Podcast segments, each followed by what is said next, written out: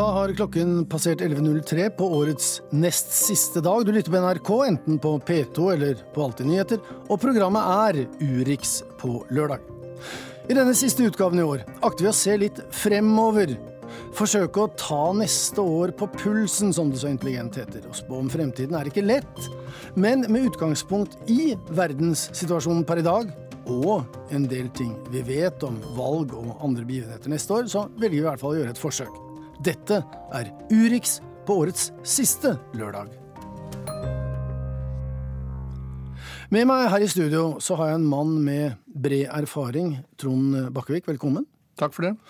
Ehm, du er prost i Den norske kirke med doktorgrad om teologi og atomvåpen, men du har også vært eh, politiker, bl.a. som rådgiver for utenriksministrene Knut Frydenlund og Torvald Stoltenberg tilbake på slutten av 80-tallet, og vi kan vel også si at du har kombinert disse rollene bl.a. i Kirkenes eh, verdensråd. Er det en eh, introduksjon du godkjenner? Ja da. Ja. Da skal vi begynne med det som faktisk har eh, vært, jeg har sagt det, hermetegn, som det heter, altså din utenrikspolitiske hjemmebane de siste 20 årene.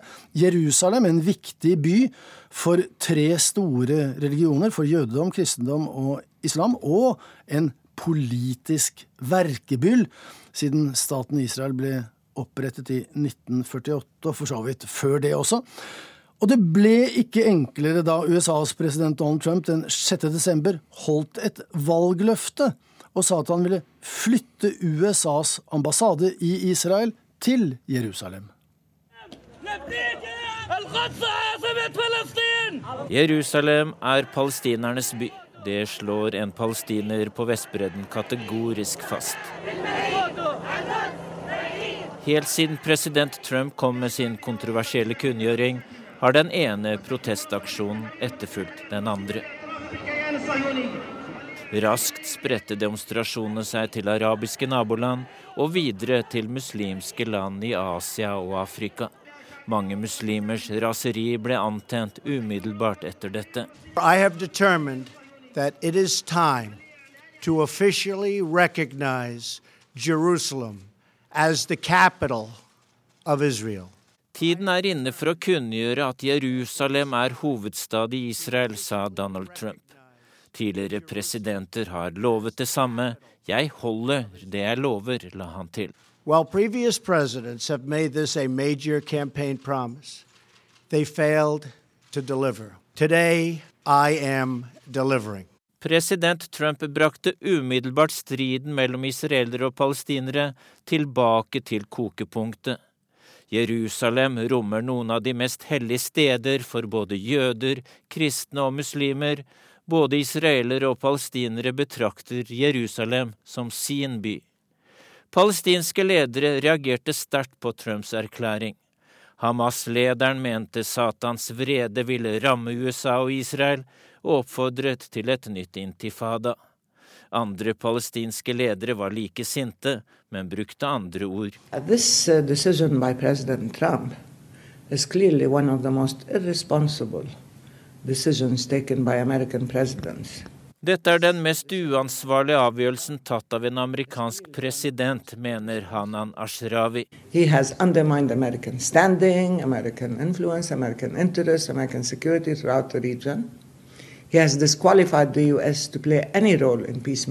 Dette undergraver USAs posisjon i verden, og de vil ekskludere USA fra å spille noen form for meglerrolle. Mens palestinere flest og deres ledere reagerte med raseri, utløste det mye glede i Israel. Very, very But I think this is the first time a president of America is keeping to his promises. This is a man of, of action, not a man of words. Jeg er veldig glad, sier denne israeleren på gata i Vest-Jerusalem.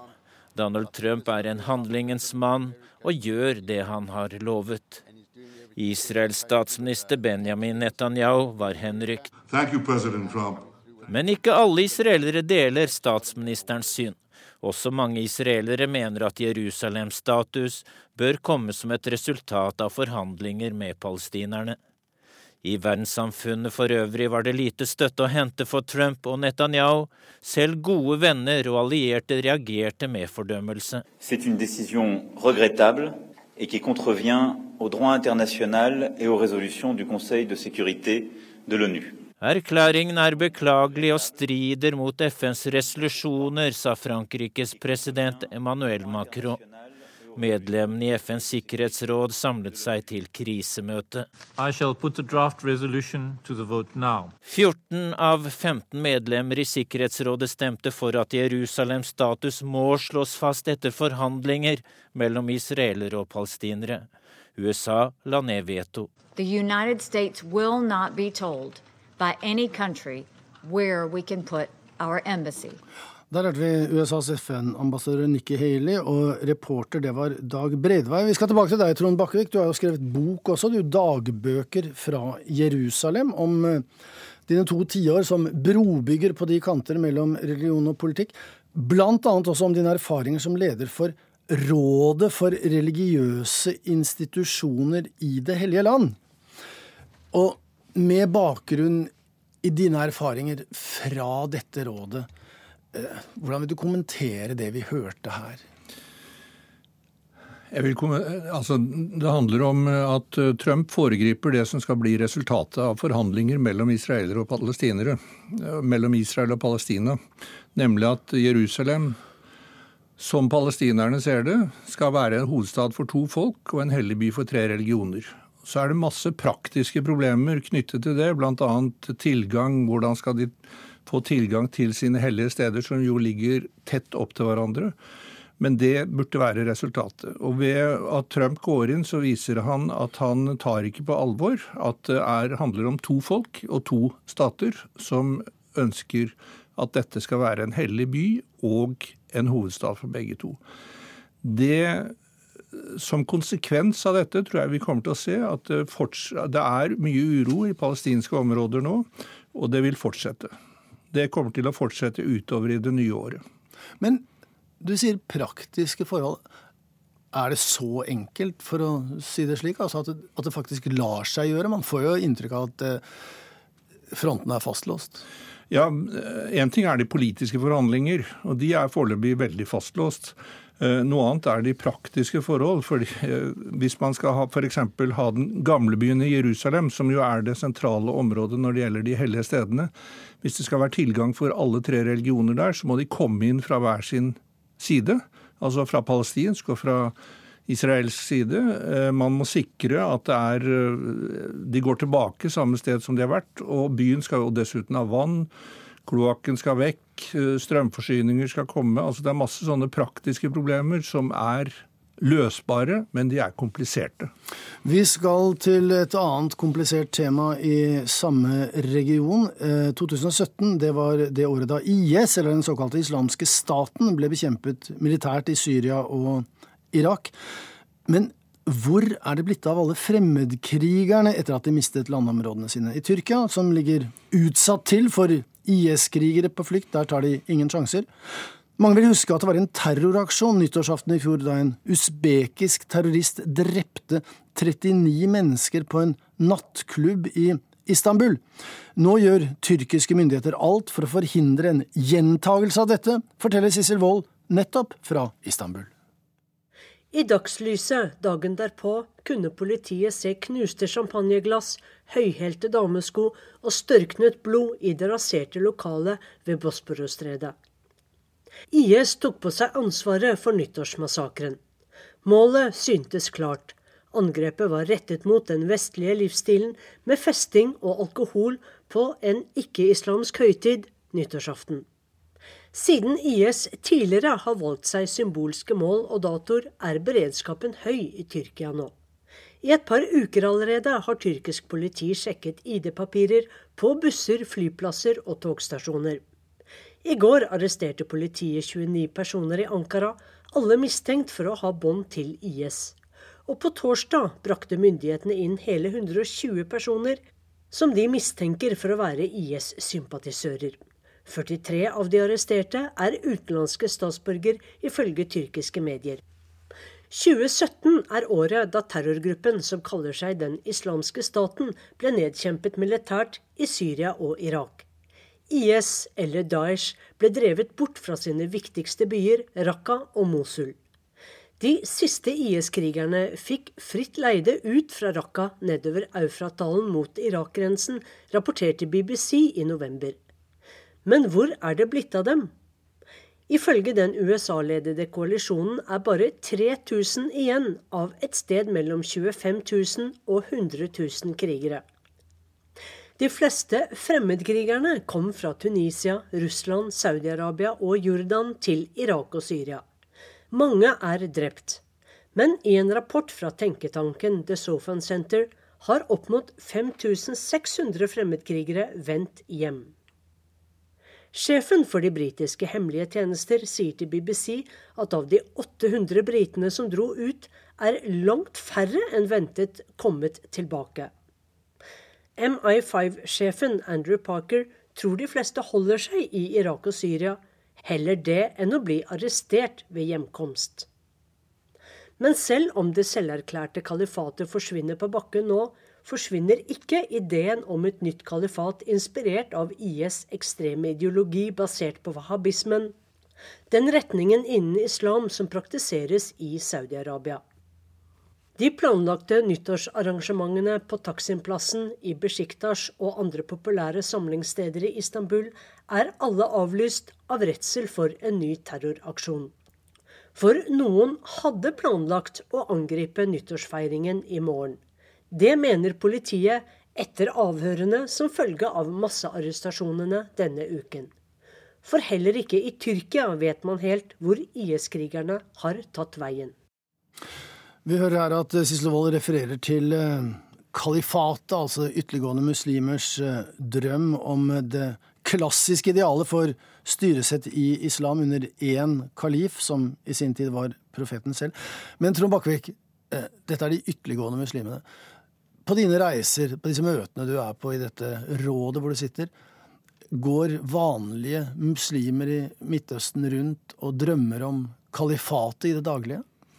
Nei, det kjenner jeg veldig lite til. Jeg har vært borti det.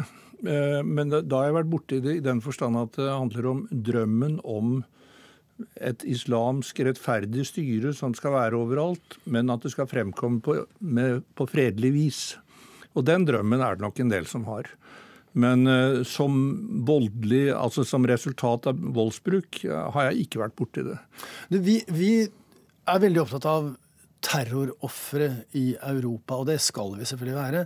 Men det er vel en kjensgjerning at når det gjelder IS og Al Qaida og andre muslimske, som vi da gjerne kaller dem, terrorgrupper, det er jo muslimer selv som er det store flertallet av ofre. Har de et perspektiv på at vi må lære oss å, å differensiere mer mellom muslimske grupper? Ja, det har de i høyeste grad. Altså For dem er IS, og for dem jeg møter, og for store flertall av muslimer i Midtøsten, så er IS like forkastelig som det er for oss. Og like langt vekke som det er for oss. Sånn at uh, der møtes vi, og der møtes vi i kampen mot den voldelige terrorismen. Vi har allerede vært inne på den nye mannen i Det hvite hus som kom i år, Donald Trump, han har ikke bare preget, men også dominert nyhetsbildet i 2017. Mye pga. sin politikk, men kanskje like mye pga. sin noe spesielle stil. Vår eh, Washington-korrespondent eh, Tove Bjørgaas har eh, sett litt på hva vi kan vente fra den kanten i året som kommer, og det er ganske mye. Det er rekordkaldt her i Washington denne nyttårshelga, og allerede på torsdag tvitret USAs president om det. Kanskje vi kunne trenge litt av den gode, gamle globale oppvarmingen som landet vårt, men ikke andre land, skulle betale billioner av dollar for å beskytte oss mot. Vi er blitt vant til slike sarkastiske twittermeldinger fra president Trump. Denne gangen altså en som fleipet med at global oppvarming er bra. At USA har trukket seg fra Parisavtalen, vil fortsette å få konsekvenser i 2018. Bl.a. i form av at California vil holde sitt eget internasjonale klimatoppmøte. Twitter-strømmen fra Det hvite hus vil også helt sikkert fortsette å definere nyhetsbildet i for stor grad, fordi vi journalister løper etter enkle og spektakulære overskrifter. Men hva annet kan vi vente oss fra Donald Trumps USA i år to? For enkelte mener dette landet startet en ny tidsregning i 2017. Så store har endringene vært. La oss se på tre ting. Innenrikspolitikken, utenrikspolitikken og Trump-administrasjonen i seg selv. I have always believed that the people of Alabama had more in common than to divide us. 12.12. vant demokraten Doug Jones en sjokkerende seier i senatsvalget i Alabama. I november neste år er det kongressvalg. Det vil prege innenrikspolitikken her. Republikanerne kan fort gå på en smell, slik valget i Alabama ga et forvarsel om. Det er vanlig at presidentens parti går tilbake ved slike mellomvalg. Det fikk demokratene oppleve til de grader i 2010, da Tea Party-opprør mot Barack Obama brakte mange republikanere til Washington. The typical family of four earning $75,000 will see an income tax cut of more than $2,000. They're going to have $2,000. Presidenten og republikanerne fikk gjennom den store skattereformen sin like før jul, og håper nok at det skal merkes på lommeboka til deres velgere innen november, slik at de blir motiverte til å møte opp for å stemme. Det er imidlertid usikkert hvordan skattereformer vil slå ut for vanlige arbeidsfolk, altså Trumps kjernevelgeres lommebok. Håpet er at bedrifter vil investere mer, og etter hvert også sette opp lønningene og ansette flere, fordi de får mye lavere skatt. Men administrasjonen har andre, og kanskje litt overraskende planer, kunne presidentens viktigste økonomiske rådgiver Gary Cohn fortelle på et seminar jeg var på like før jul.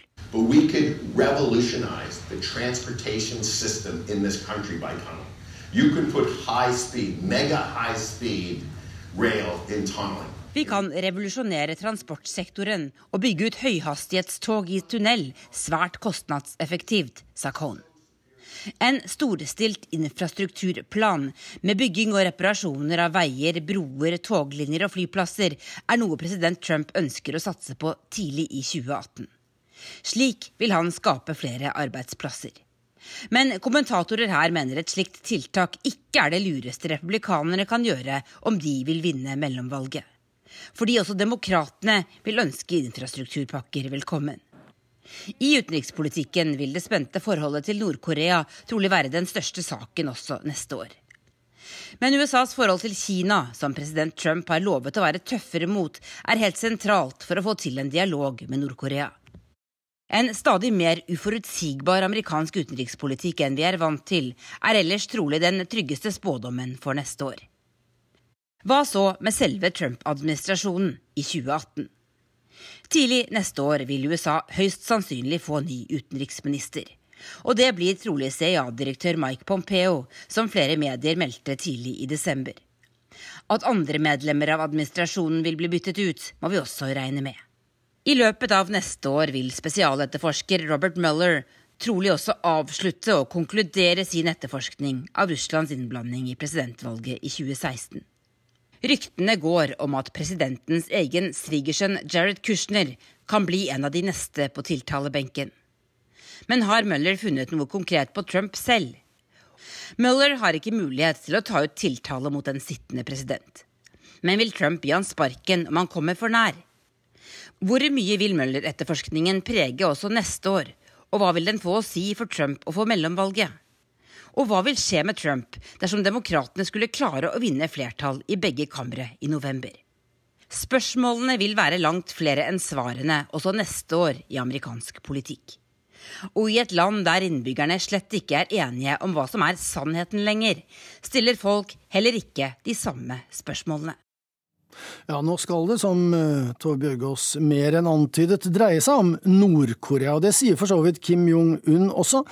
I dag heter det fra Pyongyang at nordkoreanerne aldri vil gi opp sine atomvåpen så lenge USA og deres allierte fortsetter med sin citat, utpressing og sine krigsøvelser. Eh, tidligere så hadde jeg besøk av eh, vår forhenværende Asia-korrespondent Petter Svaar i studio, den siste av oss i Urix som har besøkt Nord-Korea. Og jeg spurte Petter Svaar om nordkoreanerne er i stand til å registrere alle de forskjellige og sprikende nyansene i uttalelsene om Nord-Korea som kommer fra Washington? Eh, de som følger amerikansk politikk tror jeg nok følger akkurat den type nyanser veldig nøye. Men dette er jo signaler av en type som har kommet fra USA ganske lenge nå, under hele Trump-administrasjonen, at eh, det kommer veldig ulike beskjeder fra Pentagon, fra Det hvite hus, fra enkelte republikanske senatorer. Og det er ikke helt godt å vite hva som egentlig er eh, linjen. Og både i Sør- og Nord-Korea så undrer man jo litt på er dette taktikk. Er det bevisst? Er det en slags good cop, bad cop-oppførsel fra amerikanernes eh, side? Eller er det rett og slett bare forvirring? Og i så fall, hva er eh, mest eh, skummelt? Fordi disse motstridende beskjedene har jo nå svirret i mange måneder, hvor det jo ryktes at Tillerson var nærmest på vei ut, og også pga. sin holdning i Eh, spørsmålet om eh, Nord-Korea hvor han har vært mer interessert i dialog, mer interessert i et diplomatisk spor.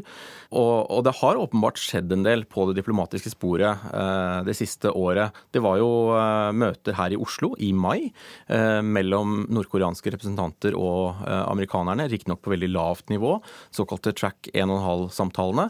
Eh, så var det rykter om at det skulle være nye møter nå i høst, men de ble eh, øyensynlig flyttet til Moskva. Men det var minst to forhandlingsrunder i Moskva i løpet av høsten, også på lavt nivå. Eh, og så snakker jo nå Tillerson om at vi kan møtes nærmest for å prate om været, eller vi kan prate om hva som helst. Tidligere har jo også under Obama amerikanerne vært helt oppsatt på at Nord-Korea må avvikle sitt atomprogram før det er aktuelt å snakke sammen. Så det er jo et linjeskift i amerikansk politikk, det Tillerson nå har varslet, nemlig at han kan være villig til å sette seg ned og prate med dem. Samtidig som situasjonen jo også på mange måter har blitt mye mer alvorlig. Nordkoreanernes motiver, altså er det har de noen ambisjoner om å bli en form for stormakt? Eh, er det et rop om hjelp, et håp om å bli sett? Er det snakk om at regimet vil overleve? Hvorfor gjør de dette? Er det angsten for at USA skal angripe først? Altså, hvor, hvor ligger motivet her? Regimeoverlevelse. Det er eh, det altoverskyggende motivet. Eh, de ønsker ikke De har sett hvordan vestlige land har gått inn i, i, eh, andre land som har avviklet sitt atomprogram. Det gjorde både Muammar Gaddafi og det gjorde Saddam Hussein, riktignok for en del tiår siden. Og de ønsker ikke å gå samme veien. Så det er, det, det er nok det overhengende motivet. De har ikke noen, det har vært noe snakk om uh, i amerikansk presse at uh, enkelte på republikansk side ser dette som et forsøk fra Nord-Korea om nærmest å annektere Sør-Korea ved bruk av atomvåpen og, og gjennom tvang.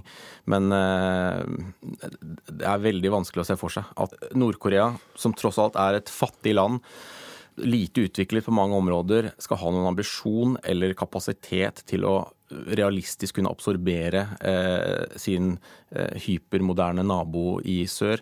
Jeg tror dette i veldig stor grad handler om regimeoverlevelse. Eh, det som er spenningen eh, de neste månedene nå, det handler jo om at man både i Sør-Korea og jeg tror også i USA forventer en ny nordkoreansk atomprøvesprengning innen ganske kort tid. Nordkoreanerne har jo snakket om at de vil, eh, vil avfyre denne raketten i Stillehavet.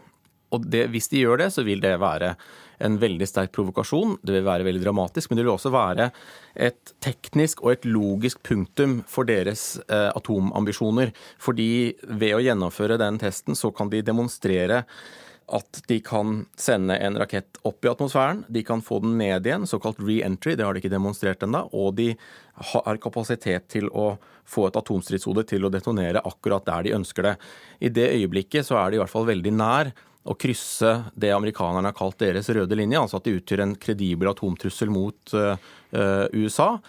Uh, og spenningen, tror jeg, nå i Sør-Korea også handler om hvordan amerikanerne vil reagere på det. Eh, og I det samme intervjuet Lindsey Graham som du refererte til, så, så sier jo da Graham at ved en ny nordkoreansk atomprøvesprengning så er risikoen for et amerikansk forkjøpsangrep steget til 70 eh, Om det stemmer eller ikke, om man overdriver, om dette er et forsøk på avskrekking og psykologisk krigføring, det kan godt hende, men det er ingen tvil om at risikoen da vil øke. samtidig som den militære opsjonen i Nord-Korea jo er rett og slett helt forferdelig. Altså det dreier seg om å ta livet av 25 millioner mennesker. og eh, jevne et land med, med jorden. Eh, det vil kunne få enorme konsekvenser i hele regionen. Spørsmålet om hva Kina vil gjøre. Eh, det kan utløse en verdenskrig. Så det er jo et scenario som egentlig rett og slett ikke går opp. I tillegg til at det er 250 000 amerikanske statsborgere i Sør-Korea som vil bli direkte rammet hvis man ikke får evakuert dem først. Da sier vi takk til deg, tidligere Asia-korrespondent Peter Svaar.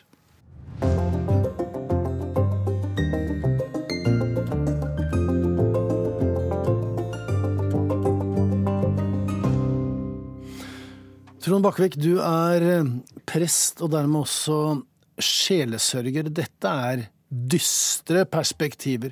Møter du i ditt embete folk som er eh, redd for krig, frykter atombomben, blir engstelige når de ikke bare hører Peter Svaar, men får kjennskap til det han faktisk snakker om? Jeg kan ikke si jeg har møtt mange, men jeg kjenner jo til det. Og jeg vet at uh, i, i, samtaler rundt omkring på prestekontorer, så er dette et tema som kommer opp.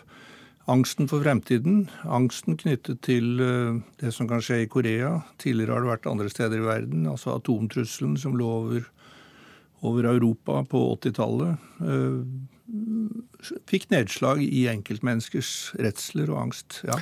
I dag så har eh, president Putin sendt et nyttårstelegram til sin amerikanske kollega i Det hvite hus, hvor han ber om en pragmatisk samarbeid for det nye året. Ikke spesielt ambisiøst. Og samtidig så sender altså da president Putin et telegram til eh, president Bashar al-Assad i Syria, hvor han forsikrer eh, den syriske presidenten om at Russland vil fortsette å støtte støtte Syria.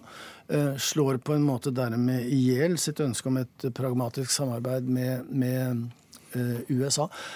Er vi inne i en tid hvor personligheter i presidentstoler rundt omkring er mer skremmende enn tidligere? Ja, det syns jeg absolutt vi kan si. Altså, vi ser jo at veldig mye makt knyttes nå til enkeltpersoner, sånn som Putin i, i Russland, Erdogan i, i um, Tyrkia. President Trump, som jo opptrer på en sånn måte at han ikke samler folket bak seg, men splitter og samler de som støtter han. Vi ser den, nye, den kinesiske presidenten, vi ser den nordkoreanske presidenten. Sånn at eh, vi ser et mønster hvor sterke personligheter gjør seg gjeldende i, i toppledelsen av politikken, og hvor nettopp forholdet mellom dem kan komme til å bli utslagsgivende for hva slags forhold vi skal ha i 2018 og fremover. Jeg er stygt redd for at eh, når det gjelder elendighet, så skal vi gå fra vondt til verre i denne timen. For rohingyaene er et nytt bekjentskap for mange i 2017. Dette er en muslimsk folkegruppe som holder til i grensetraktene mellom Myanmar og Bangladesh, og de er blitt en kasteball, siden ingen av de to landene vil ha dem. Tidligere denne måneden så la Leger uten grenser frem med en rapport, og la oss høre et lite utdrag fra det programsjefen Krylin sa i Nyhetsmorgen her i P2 den 14. desember. Eh, det som skjer nå, det er massedrap, og det er, det er vold mot, eh, mot, befolkningen. Dette er en, eh, noe som har pågått i, i, i, mange år, altså denne forfølgelsen. Rohingyaene er et statsløse folk. Og så har da myanmarske sikkerhetsstyrker, milits og politi satt i gang i det de kaller for opprenskningsaksjoner. Og disse opprenskningsaksjonene de er jo da ekstreme, og de er systematiske, og de dreper. Dette er sterke ord fra Leger uten grenser. Det skal sies at det skjer ting i, i forhandlinger. Eh, det kan løse den akutte krisen, men neppe det bakenforliggende problemet. Eh, den er knyttet til etnisitet og til religion, altså enkelt sagt da buddhistene i Myanmar vil kaste ut de muslimske rohingyaene. Eh, Trond Bakkevik, Finnes det noe slikt som religionskonflikter, eller må man gå dypere inn i materien og se på politisk og sosialøkonomisk kontekst? Jeg tror ikke man skal sette de to tingene opp mot hverandre. Altså Religion utgjør en naturlig del av en identitet til en folkegruppe. Eh, det er relativt sjelden at det blir såpass annerledes som det er i Vest-Europa, hvor det ikke uten videre er sånn lenger. Men eh, religion, etnisitet, eh, sosiale forhold, altså sosial status, eh, klasse, hører veldig ofte sammen i hele verden. Og Derfor kan man ikke løse dette ved bare å se på politikk, økonomi, sosial klasse. Man må ta med religion fordi det er en identitetsmarkør. Eh, og det er det blitt i, i, Myanmar, det er det i store deler av Midtøsten. Det er det veldig mange steder i verden. Det var det f.eks. på Balkan. Selv om det da dreide seg om indre kristelige spenninger, for å si det på den måten, med et visst muslimsk innslag. Sånn at å tro at man kan ekskludere religion fra et konfliktbilde, er å stikke hodet i sanden. Eh, kort, eh, er det derfor du reiser frem og tilbake til Jerusalem for å snakke med eh, likesinnede fra andre religioner, bare for å opprettholde dialogen, for å ha kontakt, for å møte mennesker? Ja, det er det. Eh, det er, vi tror jo ikke at vi kan skape fred, eller at de religiøse lederne kan skape fred. Det er politikerne som må. Men religion er et innslag, og et viktig innslag i konflikten. og Derfor er det viktig at religiøse ledere ikke blir hindringer for fred. Og Veldig mye av religionsdialogens rolle er jo nettopp å, å fjerne det som kan være av religiøse hindringer for fred. Vi skal til Afrika i denne omgang og snakke om demokratiutvikling der også. Det er mange som hevder at kontinentet er på rett vei, mens andre igjen da trekker frem skrekkeksempler på det motsatte. Land som Kongo og Sør-Sudan er jo ikke akkurat utstillingsvinduer for eh, fred og fordragelighet og menneskerettigheter. Vår korrespondent i Nairobi, NRKs eh, Sverre Tom Radøy, han gjør seg noen betraktninger om tingenes tilstand ved inngangen til et nytt år. Etter å ha besøkt mange av de mest interessante landene i året, så, som vi er i ferd med å legge bak oss, så tar han utgangspunkt i Zimbabwe. Glem nå dette med valg. Gi oss heller et slikt kupp hvert femte år, sa mannen i flagget. Demokratiutviklingen i Afrika tok noen rare veier i året 2017. Det luktet, hørtes ut og så ut som et kupp lang vei. Kall det hva du vil, sa folk. Den folkevalgte måtte gå. Leve demokratiet. Robert Mugabe tapte da han avsatte visepresidenten med navnet vi journalister stadig snubler i. Monagagwa hadde støtte blant de militære. Ikke tøys med det militære, skriver en fredsprofessor i en kommentar i avisen East African denne uka. Hans andre lærdom fra demokratiutviklingen i Afrika i år er at domstoler ikke kan redde demokratiet på egen hånd. For det hadde vært et politisk jordskjelv i Kenya. Høyesterett annullerte valget som presidenten hadde vunnet i august, et valg som vestlige diplomater og all verdens observatører hadde godkjent. Hvilken seier for den tredje statsmakt, et forbilde for hele kontinentet, ifølge en sørafrikansk kommentator. Skjønt det er flere eksempler på at domstoler taler afrikanske keisere midt imot, ikke minst i Sør-Afrika, der dommere gang på gang har dømt på tvers av president Zumas interesser. Over 700 korrupsjonsklager er på vei. Den foreløpige slutten på historien om dommerne og det kenyanske valget er at de lovkyndige ikke møtte opp da de skulle behandle saken om utsettelse av det nye valget. De ble syke, fryktet for sitt eget liv, rakk ikke fram. Saken er avlyst. Men sjefsdommeren satt der alene med rak rygg og ble valgt til årets navn av Den afrikanske dommerforeningen. En tredje lærdom er at nok er nok. Militæret fjernet Mugabe, folket og nabostatenes soldater fjernet Gambias president. Dos Santos i Angola gikk av etter 37 år. Og i flere land går presidenter av etter landets demokratiske spilleregler. Så i Ghana gikk presidenten av etter å ha tapt årets valg. I Liberia går fredsprisvinneren Sirleaf Johnson av som president etter to perioder. Fotballstjernen Vea blir landets neste lovlige valgte president. Helt vest i Afrika fortsetter Senegals president kampen for å avkorte presidentperioden. Men en femte lærdom er nok at nok ikke er nok.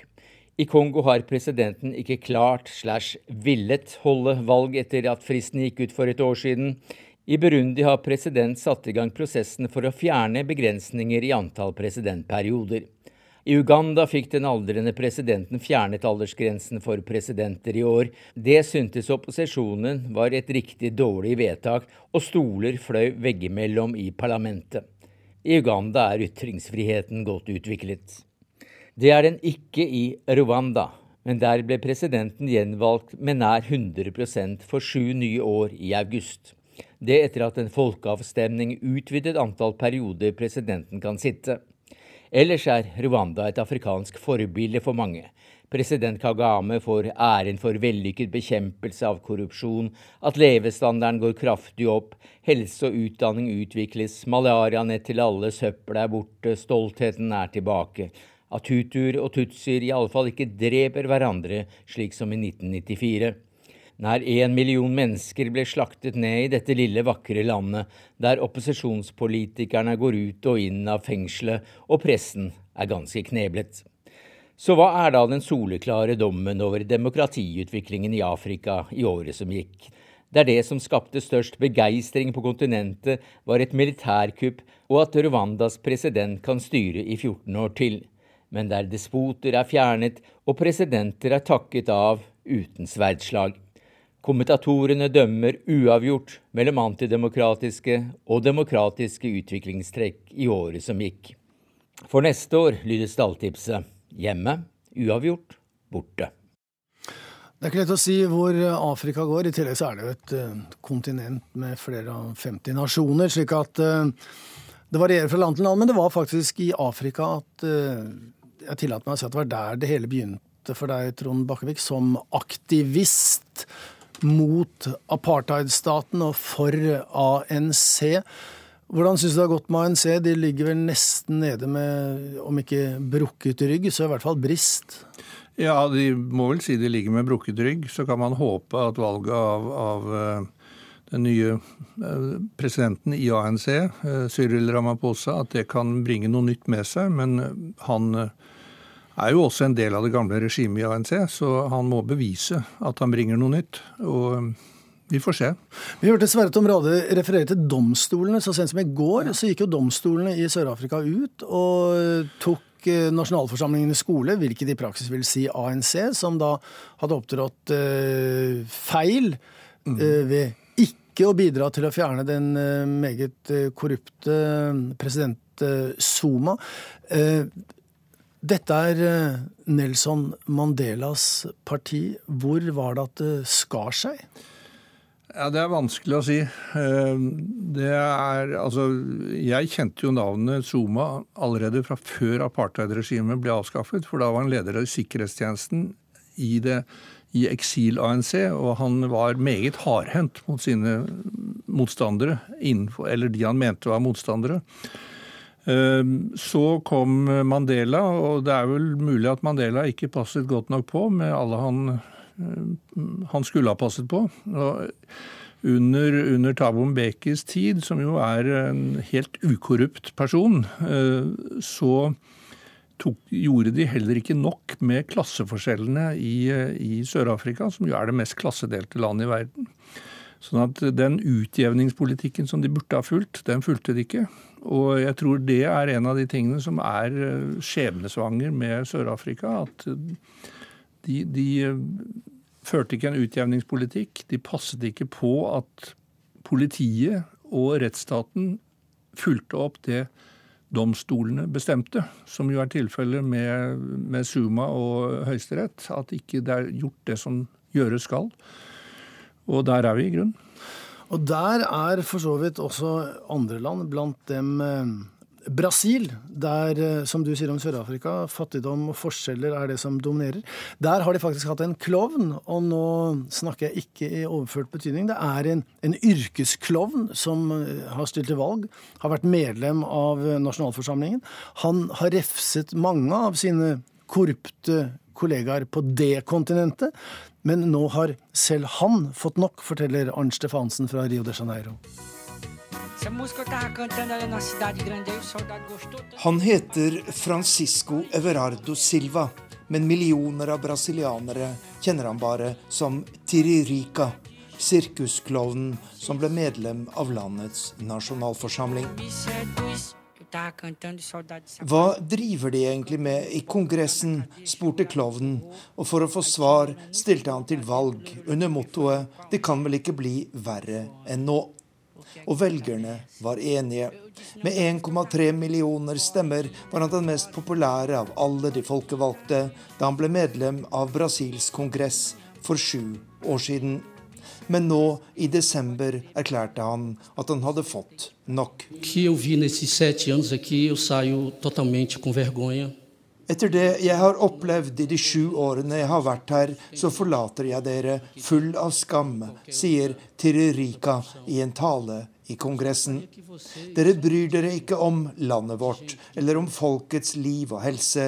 Dere aner ikke hva det vil si å sulte, og dere har aldri vært på et offentlig sykehus her i Brasil og sett hvor ille forholdene er der, sier klovnen og parlamentarikeren Tiririka. Politiker er et skjellsord her i Brasil, og det er lett å skjønne når man opplever scener som dette. Medlemmer av Kongressen som skjeller hverandre ut på det groveste og går løs på hverandre med bare nevene. Men selv om slike tumulter er sjeldne, så er det nok av andre grunner til brasilianernes dype mistro til sine folkevalgte. F.eks. at halvparten av dem har vært under etterforskning for korrupsjon de siste par årene, og at de har gitt seg selv en lønn som er 25 ganger så høy som minstelønna her i Brasil. Og det er mye mer, sier klovnen Tiririca. A gente sabe que todos nós ganhamos bem para trabalhar dere vet alle at vi tjener godt og har mange privilegier for at vi skal jobbe for folket. Men mange av dere jobber lite. Av mer enn 500 medlemmer av denne kongressen har jeg telt bare åtte som møter til hver sesjon. Og arbeidet her er kaotisk og lite effektivt. Jeg vil påstå at det er mer orden på sirkuset der jeg opptrer på fritiden, enn her i Kongressen, sier klovnen. 2018 er et av de viktigste valgår her i Brasil på svært lenge. Og aldri før har mistroen til landets politikere vært større. De siste to årene er mer enn 100 ledende politikere og næringslivsfolk havnet bak lås og slå som følge av Petrobras-skandalen, den største korrupsjonssak i landets historie. 200 bilhões de reais são desviados pela corrupção anualmente no Brasil. Korrupsjon koster Brasil 200 milliarder reais, drøyt 500 milliarder kroner, i året, forteller statsadvokat Deltan Dalanjol, som etterforsker Petrobras-skandalen. For disse pengene kunne vi ha tredoblet investeringene i helse eller i utdanning her i landet, sier han. Men rettsoppgjøret i Petrobras-saken er også et av de få lyspunkter i brasiliansk politikk i øyeblikket. Vi må vel innrømme Trond Bakkevik, at mye av det vi driver med her i nyhetene, det bunner i urettferdighet og ulik fordeling av godene. Og siden vi skal snakke litt om 2018 neste år, så er det altså da 50 år siden en rekke katolske ledere satte hverandre stevne i Medellin i Colombia frigjøringsteologien ble på en måte skapt der. Eh, tabloid sagt eh, et samarbeid mellom Jesus og Karl Marx. Men kan teologer avskaffe fattigdom? Nei, det kan ikke teologer. Men teologer kan hjelpe til å åpne øynene. Til at vi ser det vi bør se. Og jeg er jo dypt preget av frigjøringsteologien selv. Eh, det var delvis fordi jeg leste det mens jeg studerte, og det var delvis fordi jeg i Sør-Afrika nettopp møtte den teologien som hjalp oss til å se verden fra de svakestes perspektiv. Og lese Bibelen med nye øyne. Og da så vi at det å være født i en stall i Betlehem, det var ikke en idyll, men det var Jesus kom til verden slik alle kom til, kommer til verden, og slik de fleste kommer til verden som fattige. Han fortsatte sitt liv som flyktning til Egypt. Plutselig så vi noe nytt, og plutselig så vi at dette er Guds perspektiv på verden. Og på den måten så kan vi bidra til forandring, fordi at vi ser dette perspektivet, og vi har dette perspektivet, orienteringspunktet, i forhold til politiske vedtak, i forhold til hvordan politikere opptrer. Vi skal videre i sendingen. Vi har kommet frem til det siste innslaget. Det er eh, korrespondentbrevet. Det er skrevet av Kristin Solberg, og det er sendt oss fra Beirut i Libanon. Noen ganger kan lyset være vanskelig å se. Mørket har liksom en større kraft. Det stenger lyset ute. Det kan være der så ugjennomtrengelig at det noen ganger er vanskelig å huske hvordan lyset ser ut. Men noen ganger siver lyset inn i en sprekk. Tar seg inn i et sinn, presser mørket til side, beviser at det også finnes. At det også har kraft. Denne historien handler om det. Om lyset.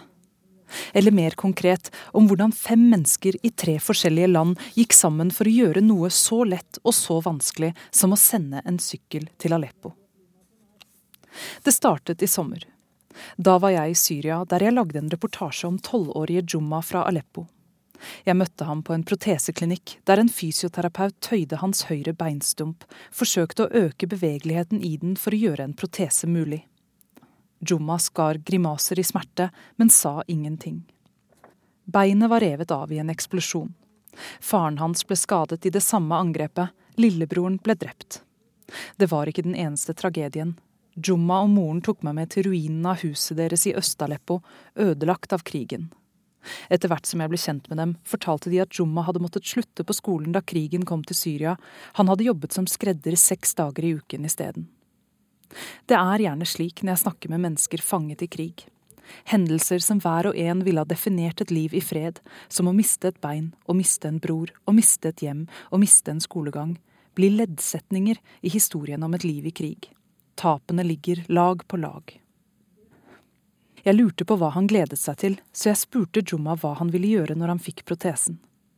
Sykle, jeg liker å sykle, svarte Jumma. Har du en sykkel? spurte jeg. Nei, svarte han, og noe i meg sluknet. Etter at jeg forlot Syria, lovte jeg meg selv at jeg skulle sende en sykkel til Aleppo. Jeg laget en søndagsrevyreportasje om Jumma, og jeg skrev om ham i korrespondentbrevet mellom Syria og Sagene. En god tanke blir finere når den deles. Noen dager etter at reportasjen om Jumma gikk i Søndagsrevyen tredje helgen i august, ringte en kvinne som het Kristin. Hun sa hun ville gi en sykkel. Man har alltid lyst til å hjelpe, og så tenker man her er det altså noe man kan gjøre.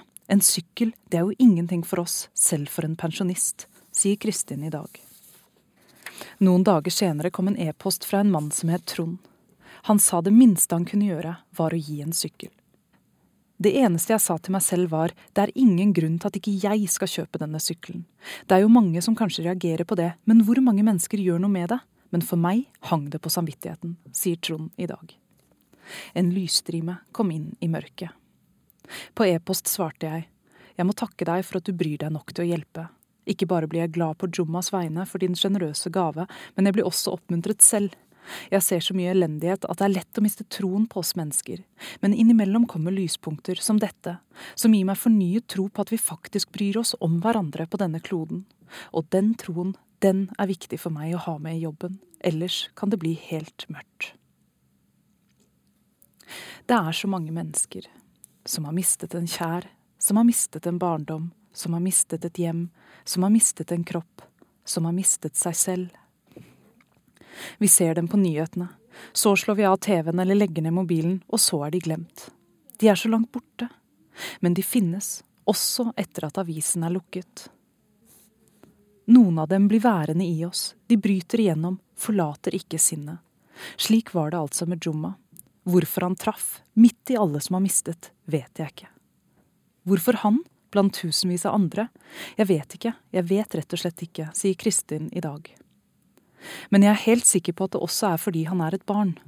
Det er barn jeg blir særlig lei meg for at lider. Det er vi voksne som skaper denne verden, det er vi som ødelegger den. Og så håper jeg at vi gjør noe annet også. Jeg husker nikket hans på proteseklinikken da jeg spurte om han likte å sykle. Hodebevegelsen var helt uten forbehold. Den tok vare på historien, men så mot fremtiden, og jeg tror egentlig jeg var solgt i det øyeblikket. Men kanskje var det vel så mye fordi det var noe så konkret. Man kan kanskje ikke stanse en krig eller reparere en barndom, men man kan sende en sykkel til Aleppo. Det høres så enkelt ut. En sykkel til Aleppo. Men det er faktisk ikke så enkelt i praksis. Veien dit var lang og kronglete. Den involverte fem personer i tre ulike land og tok fire måneder. For man kan ikke bare overføre penger til en syrisk bankkonto. Det er sanksjoner mot Syria. Landet er utestengt fra det internasjonale banksystemet. Kristin og Trond kunne heller ikke overføre pengene til meg. NRK har retningslinjer for slikt. Vi er journalister, ikke hjelpearbeidere. Vi kan ikke bryte ned det skillet. Da vil uavhengigheten vår gradvis erodere. Likevel, jeg var bindeleddet. Uten meg ville ingen sykkel nå Aleppo. Så noe måtte jeg foreta meg. Jeg hadde jo også gitt meg selv et løfte om å gi en sykkel. Daisy, min venninne og produsent i Libanon, hadde råd. De kan overføre pengene til meg, sa hun, en dag vi satt på kafé i Beirut. Jeg skal til Syria snart, jeg kan ta det ut og ta med kontanter inn i landet. Kristin og Trond overførte penger via Western Union til Daisy i Libanon. Detaljene er ikke interessante, men det ble noen komplikasjoner, og det tok to og tre forsøk og flere turer til Western Union i både Oslo og Beirut, for alle tre. Så måtte Daisy få visum til Syria, en prosess som tar flere måneder. Da visum endelig var innvilget, kjørte hun fra Beirut til Damaskus med penger til en sykkel og mye mer i vesken. I Damaskus ga hun kontantene videre til Joseph, vår tolk som møtte Jumma sammen med meg i sommer. Han vekslet pengene inn i syriske pund, kjøpte en sykkel og kjørte den seks timer lange turen fra hovedstaden, gjennom kontrollposter og ruiner av landsbyer, spøkelsesaktig forlatte. Noen dager før jul fikk jeg en video fra Joseph på WhatsApp. Jeg kjente igjen huset der Jummas familie bodde på lånt tid etter at deres eget hus var bombet. Jeg kjente igjen balkongen der Jumma i sommer sto og så ned på barna som lekte i gaten. Jeg kjente igjen Jumma som kom på krykker ut døren, han hadde ennå ikke fått protesen. I videoen ser jeg at Joseph åpner bagasjerommet og løfter ut en blå sykkel med støttehjul. Det er den fineste sykkelen jeg kan huske å ha sett i Syria.